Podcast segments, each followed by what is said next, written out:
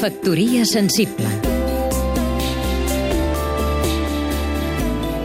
Isona Passola, productora de cinema Quan anem al teatre, a concerts que no siguin de rock, a les exposicions, als museus i inclús a les sales de cinema, solem veure una estesa de caps blancs entre el públic.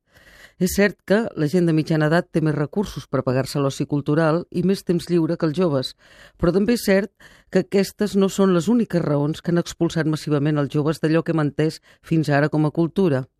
Comença a estudiar-se el fenomen de no només per quins canals entren els joves a la cultura, sinó també quina cultura hi miren. Veus apocalíptiques diuen que la cultura de tradició clàssica tendeix a desaparèixer. A aquests oracles de Malabarany els recomanaria que passessin per la sala Beckett. Per un moment es creuran que són a Berlín, a la Folsbine, i no, són al barri de Gràcia, a la ciutat de Barcelona.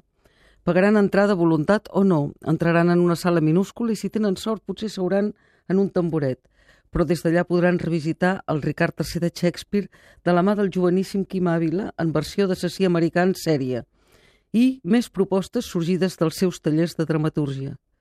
Només un prec. Ens cal urgentment poder polític perquè la cultura disposi d'un pressupost digne per seguir estimulant la recerca de llenguatges, de mitjans i ens allunyi de la precarietat catalana per apropar-nos a la normalitat europea. Glòria a la renovació de la dramatúrgia catalana que els joves fan a la sala Beckett i que fa realitat aquella sentència de l'actor i director teatral Stanislavski que diu la joventut no ha d'assimilar només els fruits de la cultura dels seus pares, sinó que l'ha d'elevar a nous cims, cims impossibles de conquerir per la generació dels seus pares. Factoria sensible